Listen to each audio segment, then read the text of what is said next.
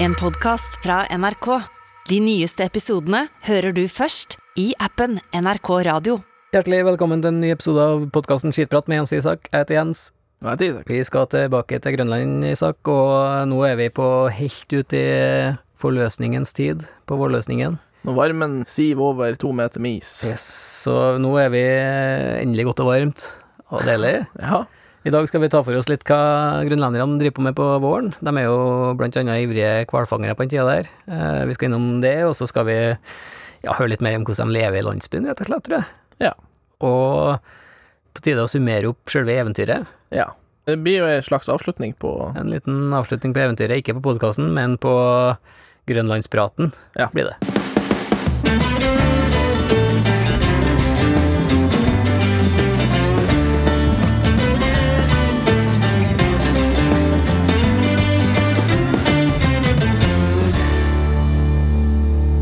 Altså, våren på Grønland var jo eh, Det var jo skikkelig godtid på den turen her. Ja, det var det. Det var deilig å kunne Ta seg få, av litt. få varmere enn 15 minus. Ja.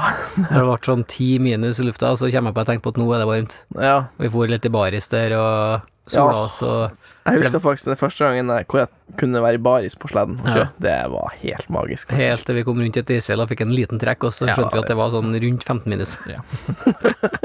så det blir faktisk ganske godt vant, for jeg husker første Det starta jo, Grønlandsturen starta med at vi satt på en hundeslede med en lokale, og det var jo 35 sikkert. Ja. Eh, Vi satt innpakka i alt vi hadde med oss av klær, og de satt i bærefingre og pannebånd og satt og røyka pipe. Ja. Og tenkte at fy faen, harding, ass. Og så kommer vi på våren, så sitter vi i baris i 10 minus. ja, da er vi på. Ja, så du blir faktisk litt sånn akklimatisert på Vi herda. Blir faktisk litt herda, ja. Det husker jeg jo, det er et høydepunkt på turen. Det var når vi virkelig Altså da For det, selv når du fyrer når det er liksom 30 minus i ei finerkoie, så blir det ikke ordentlig varmt. Nei, det føles varmt, det det ja, det gjør det. Og, det. og den første gangen jeg husker jeg vi endelig fikk en sånn skikkelig badstutemp inni den koia, Mm. Og det var så deilig å kunne sitte der i lettkledd og Ja. kose seg i varmen, og så ser jeg at det fryser i kaffekoppen som er inni koia. Står på gulvet der, ja. Ja. For på gulvet, altså, De var jæklig bra innreda. Innreda var de ikke, ja. Det var så De kjørte en minimalistisk stil. Det var minimalistisk stil. Men de hadde en sånn benk, som du så på. Som, altså, hele koia var nesten egentlig en benk. Ja. Uh, og så var det liksom en halv meter med gulv der. Og Og så var det døra. Og så var det døra. Så under den benken, så var det Der var det gode minusgrader. Ja. Men liksom alt over var jo Det var ganske greit. Ja. Tror du det er fordi de har fått det litt opp. Ja, men det var smart, da. Ja, ja, det var kjempelurt, det. Ja. Og, men der var det igjen at selv når det var endelig blitt så deilig varmt i den koia, så Ja. fryser kaffen i Men det som var perfekt, var at du kunne ta inn mye snø eller is, legge på en eh, posse eller en kjele på gulvet, og Og der holdt det var seg det fryst. Ja. Og så kunne du bare legge i kjelen når du skulle tine vann. Det var faktisk egentlig alt på grunn av Systemet der er basert på at alt skal være dunderfryst. Det er jo helt perfekt. Ja, det er det. Det er tørt og enkelt, da. Ja. Så når det endelig ble varmt og ting begynte å smelte, så var det jo egentlig noe drit. ja. Jeg så jo mange, så alle hadde jo frysebukser på Grønland. Ja. De sto ikke i kobla.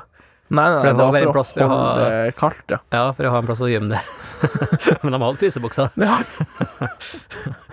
og jeg har Det- også fått egentlig svar på hvorfor de har det der hølet i taket. Ja. Eller ikke hull i taket, men at de har så mye hull i de koiene. Ja, Det er for de fyrer sånn, så er for å ikke ja. ja. så varmt. Men de får ikke få kulosforgiftning. Ja, ja, ja. Du har knekt koden nå. Måtte ta eh, Isak, vet du, på, han, det var sånn luftehull i taket på alle koiene, og Isak var- skjønte ikke det, så han stengte igjen alle han fant. Og morfyra, da, så det var så rant øynene inni de og skjønte ikke hvorfor det var sånn. Men det er jo, jeg skjønner ventilen på veggen høyt oppe, jeg skjønner Ja. ventilen på veggen lavt nede, men for det var òg et særpreg på hyttene på Grønland, at de alltid har et hull i taket. Ja. Litt sånn mal- malplassert, men jeg, jeg skjønte etter hvert, for at det regner jo ikke der. Altså, hvor mange dager hadde vi med på de tre månedene du var da? Ja, Hvor mange dager var det med nedbør? det var kanskje en tre-fire med snø. Ja, derfor går det an å ha hull i taket, tror jeg. Ja, men det er noe som snekker, så skriker det jo i sjela Ja, ja, mi når man det- har et hull i taket. Ja. ja, det er jo selvfølgelig den dagen det regner i løpet av sommeren. Ja, så er det, da er det dumt da òg. Ja. Men de var, ja, de var noen til de var pille rotten, da. Men eh, Ja. Og det hadde det ikke vært, hadde det ikke vært for det hullet i taket. Nei, men hadde jo regna mye, så hadde jo dem og heller ikke hatt hull i taket. Nei, nei. Men Det blir som om du har en båt, og så har du et hull i båten. Nesten. Og så bare så sier du ja, men jeg har den ikke så ofte på havet. Ja, det er sant. Det er sant. Så eh, var det jo vannsystemet på eh, Grønland. Det er jo litt eh, Det syns jeg er tøft, da. Det er spesielt, ja. Ja, altså, det er vel ikke så mange plasser i verden det er akkurat sånn. Nei, da har de en silo ganger fem, 20 meter høy. Og Ja, ja. ja. den var høy. Ja, høy. Jævlig høy. Ja, mange meter. Mange, mange meter. De hadde vel tre sånne, Mm, og dem fyller dem opp på sommeren med vann. mm, Og da bruker de det utover vinteren så lenge det rekker. Og så har de da noen hjulastere og en gravemaskin, mm. som de da henter is på havet Og smelter ja. og smelter. is fra isfjell. Du drikker jo kildevann, da. Da si. drikker du jo tusenvis av år gammel eh, Husker du ikke det var så deilig når vi fant en sånn så is? skikkelig gammel is, ja. Altså, den var gammel. Det her Ja. isfjella kommer jo fra grønlands, altså innlandsisen. Og så drar de utover Ja. og knekker jevnt og trutt i havet, da. Mm. Også det kan jo være titusenvis av år gammel Is. is, ja. Som de smelter jo, da. Ja. Men jeg kjempa første gang vi fant sånn skikkelig gammel is. ja, sånn skikk... Den var sånn Altså, den var helt blå. Det- Krystallblå. Vi trodde jo vi hadde drukket rent vann før, Ja. men det hadde vi ikke. Nei. For det var det sjukeste Ja, vannopplevelsen jeg har hatt, da. ja, det er den sjukeste vannopplevelsen. Husker ja. Det gøyeste der Vi tok jo rifla fatt, og så skjøt vi Skjøt i isfjellet. Ja. ja, men det var jo en måte for å få tak i Ja, det, så det må jo kakke det opp, da. Ja. Og det var jo Det var svært isfjell, og stå med øks der var jo Men det funka ganske bra. Ja, det gjorde det. Altså, når du skjøt et rifleskudd inn i Så ble det jo sånn en eh, sinnssyk stjerne, da. Ja, og så så du, for det var så klar isen der, at Ja. du så langt innover der. Ja. Så du så liksom kula hadde gått inn i Gunn innover, langt innover der. Men da fikk vi knekt av eh, Ja, da kunne du liksom bare ta kasserollen, og så bare drysse ned rett ned i kasserollen. Mm. Sånne bitte små eh, stifta is, da. mm. Ja, det var godt, ja. Men det drikker de jo hver dag, da. Ja, ja, Altså på vinteren i hvert fall, da. Og det var jo også hvis vi klarte å kakke av en sånn bit, så kunne du ha den på sleden, da. Ja, ja, ja. Den tina jo ikke i 30 minus, den. Nei. Så da hadde du med deg en isklump, da, så du kunne kakke, og så smelta du deg en liter, da, når Mm. Ja. du trengte. Det ble noen rutiner i issmeltinga. Ja, det ble det. Så kjørte forbi et isfjell, så var det å stoppe liksom hundespannet og gå bort og kakke av seg en uh, 20 liter, 20 liters uh, isklump. og så få den på sleden, og så kjøre. ja.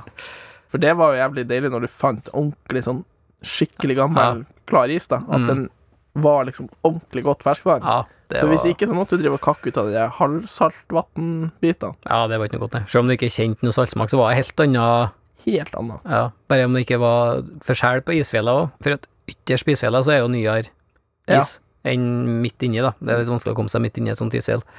Det er jo ganske sjukt når du liksom er på, utpå der, og så ser du at det er et fjell som er ja, 200 meter langt, da, Mm. og så 50 meter høyt. Og så er det jo det snedige da med at man vet at det er bare 10 av isfjellet som er over vann. Jeg så et sånt et som rulla en gang, på sommeren der. Ja, for de drev jo og gikk. Det smelta, og så for og så raser det av på sidene, og så ser du at det beveger seg, da. Ja. Men en gang så raser det av. Og så det var også et av de største der. 200 meter eller bredt, sikkert. Ja. Der det rasa liksom en sånn Altså bare en tidel av isfjellet på ene sida, men da ble Mhm. det skjevbelasta, da. Så det rulla helt rundt. Altså, jeg var jo tre kilometer unna, kanskje. Jeg lå i båt der. Men det, altså, det ble sånn halvmeters bølger, liksom, av det. ja, ja, det Og den lyden der, det altså, var sånn brøl fra isfjellet, mens det knakk og For det knakk jo opp ikke sant? I mindre Det skal isfjell. ki litt i magen hvis du er liksom helt inntil isfjellet når det da Yes. Så jeg skjønte jo hvorfor Altså, han sa det jo aldri, han der jeg var med da, da men han parkerte liksom aldri, eller stoppa aldri attmed det isfjellet, da. Nei. Skjønner hvorfor. Ja, jeg skjønner hvorfor, ja. For det var fader meg mektig opplevelse, altså.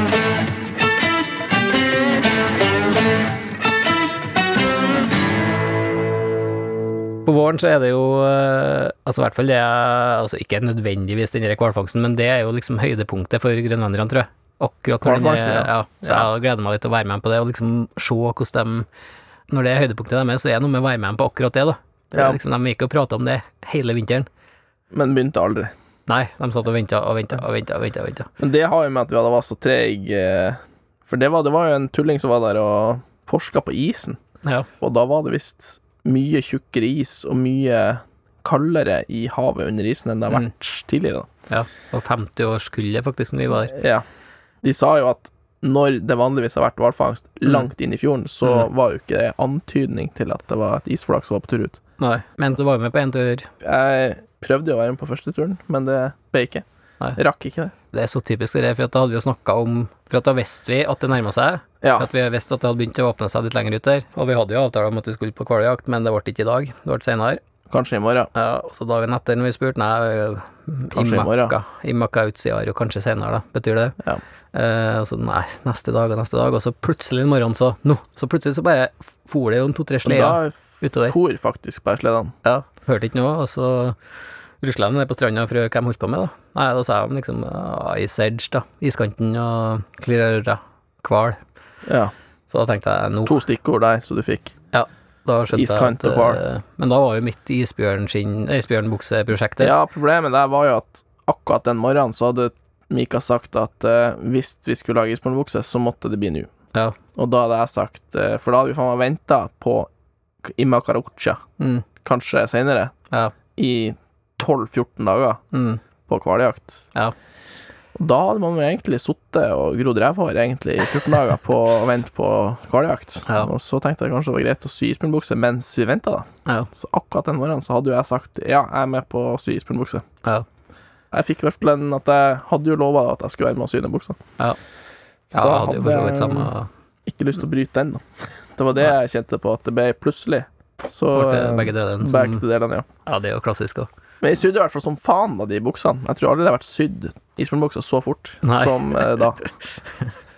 Vi begynte jo å sy sånn i åttedraget på morgenen og var ferdig sånn rundt to på natta. Og Ja. så samme neste morgen. Ja. Åtte til to på kvelden. Og Mm. da kjørte jeg jo etter det. Ja. Sånn i to-tre-draget. Ja. Ja, ja, det måtte jeg måtte kjøre utover det. Det er jeg glad for. Det ble en fin tur, det òg, da. Nei, det syns jeg var en stor opplevelse, ja. Det var, jeg var veldig glad for at jeg for på den, ja, for da det var jo, Jeg hadde ikke noen avtale med dem heller, da, for var, altså, de for jo før meg. Altså, de Ja. for jo bare. Og så tenkte jeg nei, faen, nå Det er nå liksom det skjer, da. Så tenkte jeg nei, fader, jeg bare slenger meg på det. Og det var fader meg opplevelse, altså. Spesielt når jeg tok gjennom dem etter hvert, da. Etter et par mil, Ja. kanskje. Så lå vi der, da. Jeg lå i bakerst, da. Og så var jeg 11-12 hundesleder foran, i sånn lang karavane, da. Noen kilometer forover der. og så var jeg liksom mot iskanten, da. Det var sju-åtte mil kanskje ut. Altså, det er faktisk Av alle sånne opplevelser med sånne folk, så var akkurat det øyeblikket jeg tror jeg var liksom kanskje det sterkeste, altså. Det var første turen liksom jeg var med 100% ja, sammen liksom med dem, da. Som en av dem, og ja, ikke helt som en av dem da, da, men det var liksom starten på den reisa, da. Ja, start med det. Du måtte jo gjennom den kuken og Ja, ja, det var jo en prosess å bli øh, Ja, det var en veldig prosess der, men den starta på den turen der, da. Ja. De fanga tre hvaler, da. ja. Var Det var jo eh, en viktig faktor for at det skulle være god stemning på en sånn tur, var at de fikk hval. Ja, det skulle du få svar på turen etter når du var med. Ja. Da var jo fanga ikke hval, og da var det litt dårligere stemning, da. Ja. så det var, jeg var veldig heldig med den, ja. Men det var utrolig spennende, altså. For når vi for utover isen, så ble isen eh, tynnere og tynnere. På slutten så var den kanskje sånn fire centimeter, liksom. Ja, jeg- og du kjente den gynga, og du kjørte rundt sånne åpne hull, og så plutselig så bare stoppa den der første Første hundespannet bare stoppa, da, en gang Ja. der. Og så tusla han fram, og så to meter fram om hundene, så hadde han en sånn eh, spett, da. Ja. Han gikk og kakka i, i isen, og så var, liksom sto jeg da, i isen mens han gikk forover. Og så plutselig så bare strakk han spettet foran seg, og så rett gjennom isen, da. Ja. Og for meg så er det helt likt ut. ja, for det er der de snakker om for at kunne, du kunne få litt sånn kald trekk. Ja. At det er iskant, og så har det sprukket opp, og så kommer det på et eller annet vis da bare et topplag oppå den isen, den nye isen, som er fra det gamle, og så bare flukter det med det nye. Mm, Sånn at det fryser, og da blir det bare en sankt eller to, ja. som da er egentlig Og der er det Der går du rett gjennom, og så Ja. kan det være en meter is på den ene sida. Mm. ja, det var helt sjukt. De må ha sånn blikk for det greiene. At det var, det var helt, Det var helt eh, imponerende. Ja. Og da kikka han seg rundt, og så fant han en sånn rute rundt, ja. Så kjørte vi sånn S-svinger, liksom, Ja. til meg, helt likt. Men Ja. for dem så var det eh, åpent der, det var og ja. god is her, liksom.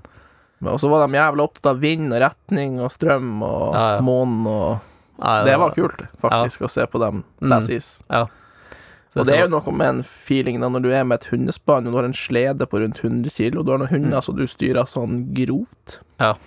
Det lå jeg ikke først, for å si det sånn. Og så får man rusla der, og så ser du at ja, ca. tre mil til land der, og så er ca. fem mil til land der. Mm. Og så skal du knyte hundene fast, og så stikker du kniven ned i isen, og så Oi, der var vi igjennom, ja. Ja, det var, ja, det var utrolig spennende, ja. Så, nei, det var skikkelig dårlig is på tuppen her, og det var flere ganger at det knakk opp rundt oss, da. Spesielt én gang, da var jeg Altså, da knakk det opp i sånn uh, håndballbanebiter, kanskje. Ja. Så da altså, Noen ganger at grønlenderne ikke stresser, vil ikke jeg si at de gjorde, da, men de uh, arbeider fort, da. Ja jobba fort. Da gjorde de det. For hvis de nå ikke jobber fort, så er det ute i Canada. Ja, vi var faktisk en gang på Rett etter første hvalen vi fanga der, så får jeg se ei sånn lita, lita sprekk i isen, da. Og kakker jeg på skuldra til en sånn rakett der da, og sier at eh, liksom, ja, eh, hikku namanit. Og så han bare åh, det ble superstressa, da. Kasta seg på sleden, fikk liksom kjøttet på sleden. Dette tok kanskje tre minutter før alle de 12-13 jegerne var på sleden, og vi satt av gårde. Og på de tre-fire minuttene så var den sprekka blitt kanskje 20 meter, da. Som drev liksom utover i fjorden, da. Det er en dårlig situasjon å være i. Hvis du er på- på det flaket som er på tur ut i havet. Vi var på feil side av den sprekka, da. Og vi kjørte og kjørte langs sprekka, og vi så jo langt foran der, liksom en kilometer foran, at den smalna inn, da. Eh, men du vet, på den kilometeren tok jo oss ti minutter å komme dit, og på de ti minuttene så var jo den 20 meter. Større, ja. Og sånn kjørte vi jo i to timer, da. Og jeg var, begynte å bli ganske stressa. Uh, og så når jeg kikka rundt meg, så satt de og drakk te på sleden og stoppa, tok seg røykepause, og så liksom spurte jeg han derre Kidlack, da, som vi kalte den, kommer jo så over på andre sida, og så han bare "Ah, i møkka, kanskje, Kanskje. og satte seg og drakk te. Men da var vi jo Da var dere på feil flake? Altså, et flak faktisk mellom Grønland og Canada en stund. ja. Ja. Men de fikk jo rett, og så de drakk litt te og kjørte litt, og det ble mange jakker. Plutselig etter et par timer til, så hadde det isflaket liksom drevet litt tilbake igjen, da. Så vi fant en sånn spre- sprekk på kanskje en meter, da, som hundene hoppa over, og da var vi på trygg is igjen. Og så var jeg tilbake og prøvde å finne seg en plass å jakte. Helt rolig. Da var jeg til igjen. Da var jeg til. Jeg var så sjukt rolig på de greiene der, altså. Det var Det går jo ille der. Ja. De mista jo jevnt og trutt folk der. Ja, det er jo noen som trykker med å miste hundespann og sånn. Ja. Eh, Men de har jo det som er, at de har alltid med seg en kajakk, vet du.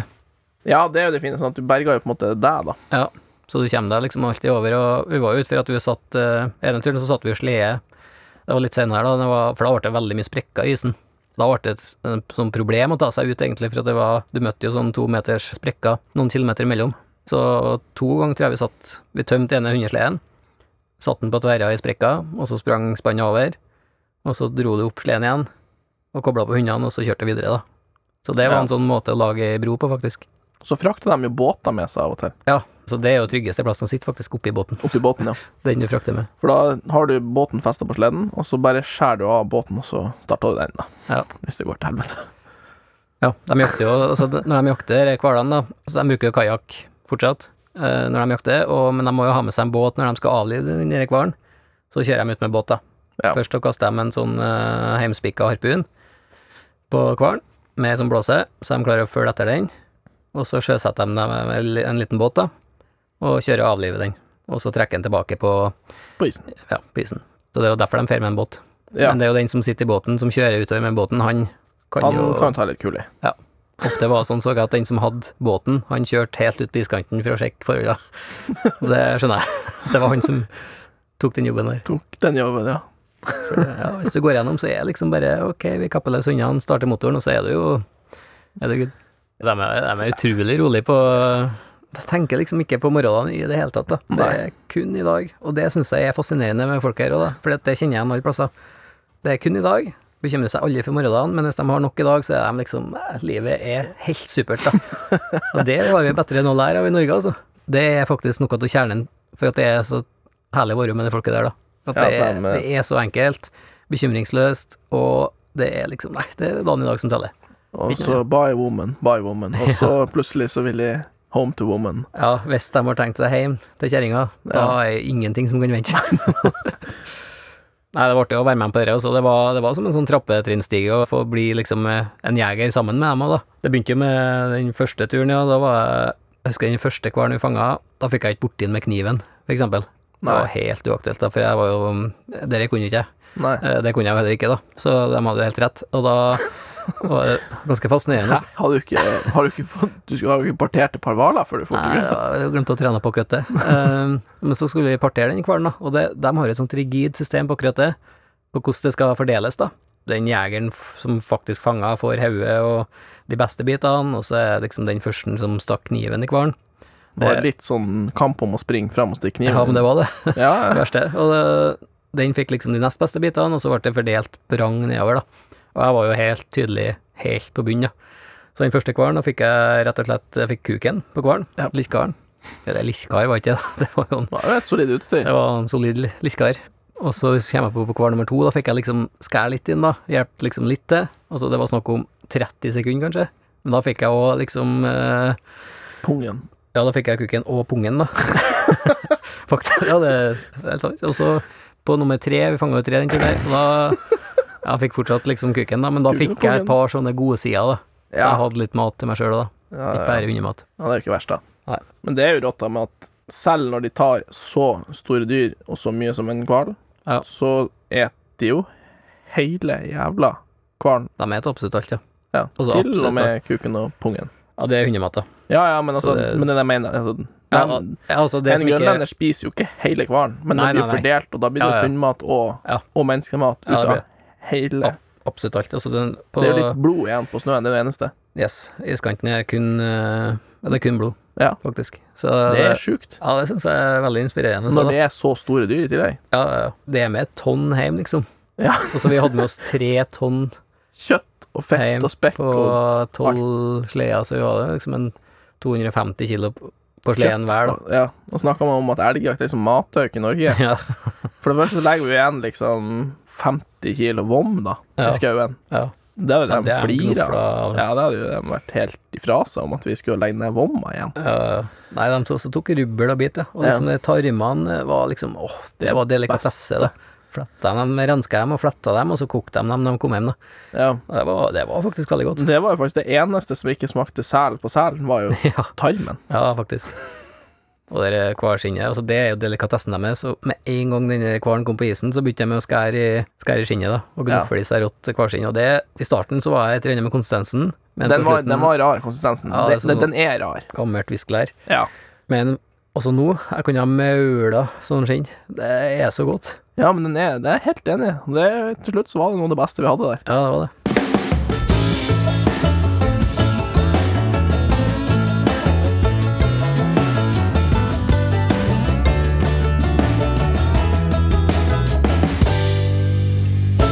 Hvis vi skal oppsummere eventyret, da, så hva er det du føler du sitter igjen med mest da, fra, fra grønlandsturen? Nei, jeg syns altså For min del så var jo Jeg syns den hvaljakta som på en måte fikk vært med på å da, selv om det ikke ble hval opp på isen den gangen jeg var med, Mm. så var det jo øh, Den hvaldagsjakta var jo helt rått å være med på å se. Det er mektig når det er så svære dyr du driver og håndterer, Mm. på en sånn manuell måte, da. Ja. Det syns jeg er ganske rått. Mm. Ja, det er en i. Jeg tror den eh, Ja, det er jo flere ting jeg sitter igjen med, men så jeg kommer på den første hvalturen, altså når de fikk Altså den gleden jeg så i familiene Ja. når de fanga. Altså det var sånn oppriktig Altså det er ikke sånn være eller ikke være-situasjon de er i da, men eh, altså Men det det er en betydelig betydelig Ja. tilskudd til husholdningen, da. ja, Det så man tydelig. og den gleden når de fanga, altså den eh, glemmer jeg aldri, da. For det var liksom Det var sånn Sånn euforisk stemning på et vis, da. Ja. Ehm, det sitter jeg igjen mye med, og så um, Som på alle sånne plasser, så er liksom den der gjestfriheten, da. Altså, de tok oss virkelig etter hvert, da. Bemerkelsesverdig kjapt. Ja. Så kommer du Spesielt av Tokyo, da. Ja, Hun var så, jo helt unik. Ja, men så kommer du så sjukt inn i inn i varmen da, så fort. Mm, Det er jo ikke alle som kommer til Bodø som jeg sier at de må bare bo i huset mitt. nei, men sånn er det. Altså, det er alltid en Toku overalt, da. Men det er Altså, jeg slutter ikke å bli rørt av den gjestfriheten, da, man møter. Når man kommer sånn eh, Ja, fra andre siden av kloden og Nei, det syns jeg også er helt imponerende at de gjør. Ja. For de er jo, de er jo ikke Sånn som Tokyo hadde jo De hadde jo greit, men Ja. eh, resten i landsbyen der hadde jo ikke De er jo ikke rike, eller de har jo ikke noe sånn mye til overs, liksom. Verken Nei. økonomi eller mat eller utstyr eller Men Nei. at de da likevel åpner dørene og, og ja, gir oss middag når vi kommer på besøk og sånne ting, så Nei, det er noe som jeg tenker mye på, faktisk, på sånn type turer. Og noe jeg tror vi kan lære litt av i Norge òg, da. Ja. Og så var det jo eventyr, da. Og så var det jo artig å ha med, ha med deg, da. Det er jo den første langferd. Det er første sånn skikkelig langferd Ja, og eh, bo i lag med urbefolkning. i verden. Det Ja. er jo eh, helt nytt for min del. ja. Nei, det var Og det var eh, spesielt for min del, ja, egentlig å få lov å være med. Og så Jeg blir litt tatt på senga over hvor god tid de har. Det blir jeg jo eh, Det blir jeg. Det var artig å observere akkurat den prosessen der. Jeg tror jeg prøvde å preppe deg litt på sånn eh, Du gjorde det, men jeg er jo ikke så lett å preppe. Nei, men det er vanskelig å se for seg, vet du. Det er det òg. Mm. Og så er det òg litt sjokk for min del at du kommer og skal være så nært og så mye folk som du ikke kan snakke med. Mm. På den vanlige måten. Ja. Det blir jo Selv om man gjør seg forstått, så Mm. er det vanskelig også å kommunisere med de Altså, du vil, jeg på en måte vil ofte videre i kommuniseringsprosessen enn hva dit er klar med tegnspråk. Ja, ja, ja. Ja, det er faktisk noe av det mest krevende der med språket. Så det er veldig viktig å lære seg Begynne å lære seg ord ganske tidlig, Ja. som man kan ha For at jeg kjempa da jeg bodde med eh, det nedfolket, de prata jo chippevan, og det språket var Altså, det var så grautete. At det var Jeg hadde ikke nubbsjans, liksom. Etter, husker jeg det var rein. Altså sånne Noen få sånne ord lærte jeg. Men eh, jeg klarte ikke, og da ble jeg sittende litt sånn eh, nesten sånn apatisk inn i Ja, det er litt den følelsen du får, da. Ja. Eller jeg kunne også få, da. Men Eh, grønlandsk var jo på et vis uh, Jeg husker du sa det var lett. ja, Eller lettere. Altså, lette- mye lettere. Vesentlig lettere. Ja. Problemet var på grønlandsk, vel, det var, det var lett å lære seg ordene. Idé, du og pinjat og jeger og sånn enkeltord, men skulle, jeg, skulle du sette dem sammen til en setning, så ble det noe helt annet. Ja, da var det plutselig ikke de ordene. Da er det bare ett langt ord, men du Ja, finner ikke igjen det- helt annerledes. Ja. Så det, det var vanskelig med grønlandsk, da. Men altså, i hvert fall når du begynner og kan kommunisere, da. Det er det, det, det som er liksom steget Ja, jeg man ser at det er um, artig og rått, da. Da kommer man litt eh, nærmere. Men det er jo en sånn plass jeg egentlig skal være, og egentlig på mange måter. Altså der man eh, Der ikke så mange eh, bryr seg om hva du gjør, så lenge du styrer Nei, det er en bra plass for sånne, Sånne som du. Sånne som meg, ja. ja. egentlig. Ja. Ja, man finner jo sånne Borti Amerika, for eksempel, der fant jeg mye sånne hvite pelsjegere, da, som har gjemt seg bort i skogen der. Ja. Som minner om meg, da. Ja, Litt sånn cowboyer som uh, Litt cowboy. styrer Altså, jeg er jo egentlig Jeg hører jo ikke hjemme egentlig i et sånt sivilisert strøk som sånn her. Det er faen meg ingenting som jeg syns er artig eller god på, som jeg kan gjøre her. Og allikevel er jeg her. Det er helt Jeg er jo helt Ja, men nå har du en plass du kan reise til. Ja. Så jeg, da må jeg jo selge huset, da. Ja, men det finnes det folk til. ja, Det er greit å tenke seg om en gang, da, før man gjør det. Men, Tenk, tenk, tenk litt på den. Det, det jeg kjenner mest på, det, og det jeg kjente mest på der òg, det er jo at jeg har en hund da, så i Norge som Ja. hører hjemme her. mm, ja, det tenker jeg på når jeg er ute og farter sånn, ja. Hundene. Så eh, hvem vet hva Altså, jeg har jo eh, Jeg har sagt en del ting jeg har sagt i mange år, når Buster dør. Så vi ser hva det blir den dagen han Ja.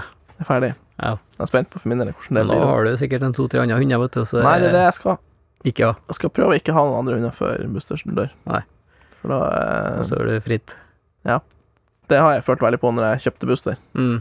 Ikke sant, for at da mm, ringte jeg jo til noen som hadde et kull. Det var nede i um, Midt-Norge, nei, Midt-Sverige. Da kjørte jeg dit, og fikk velge en av han hundene. Hadde ikke jeg kjørt nedover dit, så hadde Buster hadde en annen herre i dag, og levd, levd sitt liv en helt annen plass. Ja, men fortsatt vært eh, Buster. Fortsatt vært akkurat Buster, og sett akkurat likens ut. Ja. Levd en eller annen plass Ja, med en helt annen ja. med en annen eier og hersker. Ja, det er sjukt å tenke på det. Og da hadde han styrt livet til Buster og gitt han alle opplevelsene og gledene han har. Og dermed så har jeg på en måte føler jeg veldig på at jeg kjøpte Buster sin skjebne. ja, ja. Så hele hans liv og lykke er basert på hva jeg gir han. Mm. Det er jo et ansvar jeg kjenner litt på. Det er veldig ansvar, men er sånn burde alle hundeeiere ha tenkt, da. Før man faktisk går til innkjøp. Ja. For at du kjøper jo faktisk et liv. Og Ja, jeg livet hele hans skjebne og liv. Ja, i 12-14 år. Ja. Og det tror jeg er veldig mange som ikke tenker på når de Ja. kjøper seg hund. Det er ganske stort ansvar, da. Det er som å ha en unge, liksom. Ja, for at jeg kunne jo valgt å la være å kjøpe, og da hadde, ikke da hadde han hatt et fint liv med noen andre. Ja, det vet du ikke, men Nei, nei, men Det er altså, da er deres, ansvar da på Ja, ja. Og da er det liksom ikke Men når jeg da føler jeg veldig at jeg valgte at jeg fikk den, da. Føler du turen vårt liksom uh, Var mission accomplished for din egen del? Ja, på mange måter, men og på mange måter ikke. På mange måter skulle man ønske at jeg var der mer. Mm. Det vil alltid være sånn, tror jeg. Og så har jeg også sittet med samme For jeg føler at uh, Altså, det tar jo Det tror jeg jeg sa før turen, at tre måneder er minimum for å liksom komme seg på innsida av en sånn kultur, da. Ja, Og du kjente jo på deg sjøl, tror jeg. ja det var jo virkelig, måneder, da vi, da, virkelig da vi kom skjedde etter et eller annet. Ja. Der at du ja, begynte å få være med dem At de begynte å spørre oss om at vi ville være med på jakt og sånn. Um, Og det er en helt annen måte å være der da, enn at du føler at du liksom trenger deg litt på i starten, til at uh, det snur litt, at de faktisk har lyst til at du skal være med, da, for at du er en ressurs, og de liker deg, og du tilfører noe for dem, da. Det er først da, hvert fall, jeg føler at nå er jeg akkurat der jeg vil være, da. Ja, ja, nei, For å virkelig kjenne på det livet som grønlender, da. Så må han liksom komme dit, da. ja, jeg skjønner hva du mener. Ja, og det skjer ofte etter Ja, Rundt tre måneder. ja, det kan jo sikkert være pluss-minus her og der, men det er liksom Det har jeg kjent på før, at du må Altså, én måned er for lite, i hvert fall, da. Ja, ja, det, det er faktisk det. Nei, jeg følte jeg òg kunne Jeg følte den sommeren fra det liksom punktet det løsna etter ca. tre måneder, og så de neste par månedene var jeg liksom Der var jeg Der var det, ja. Der var det mission accomplished, ja. Og så skulle jeg gjerne ønske å ha vært der. For skal du komme gjennom kulturen, så må det være et år igjen. Det må være et år for Ja. å være med på hele. Det, var, Ja. ja. det snakka vi om her med at Mm.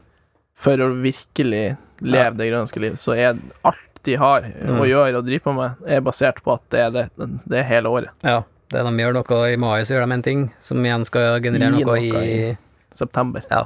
Så sånn er hele året bygd opp for en grønlandsk familie, da. Ja, Og sånn er liksom hele, føler jeg, overalt i verden, egentlig, på sånne plasser, da. ja. ja. Så neste gang, et år. Neste gang et år. Men vi er jo i planlegginga på litt Ja, det er mye noe i stunt, da. lufta. Det er noe i lufta. Vi kan jo ikke røpe så mye av det foreløpig. Nei, Men, eh, vi tar det ta steg for steg, bit for bit.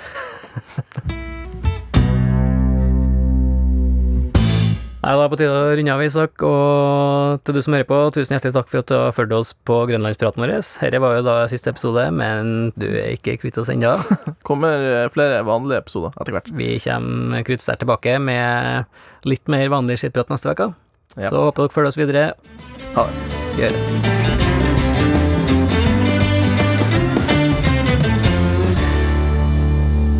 Du har hørt en podkast fra NRK. De nyeste episodene hører du først i appen NRK Radio.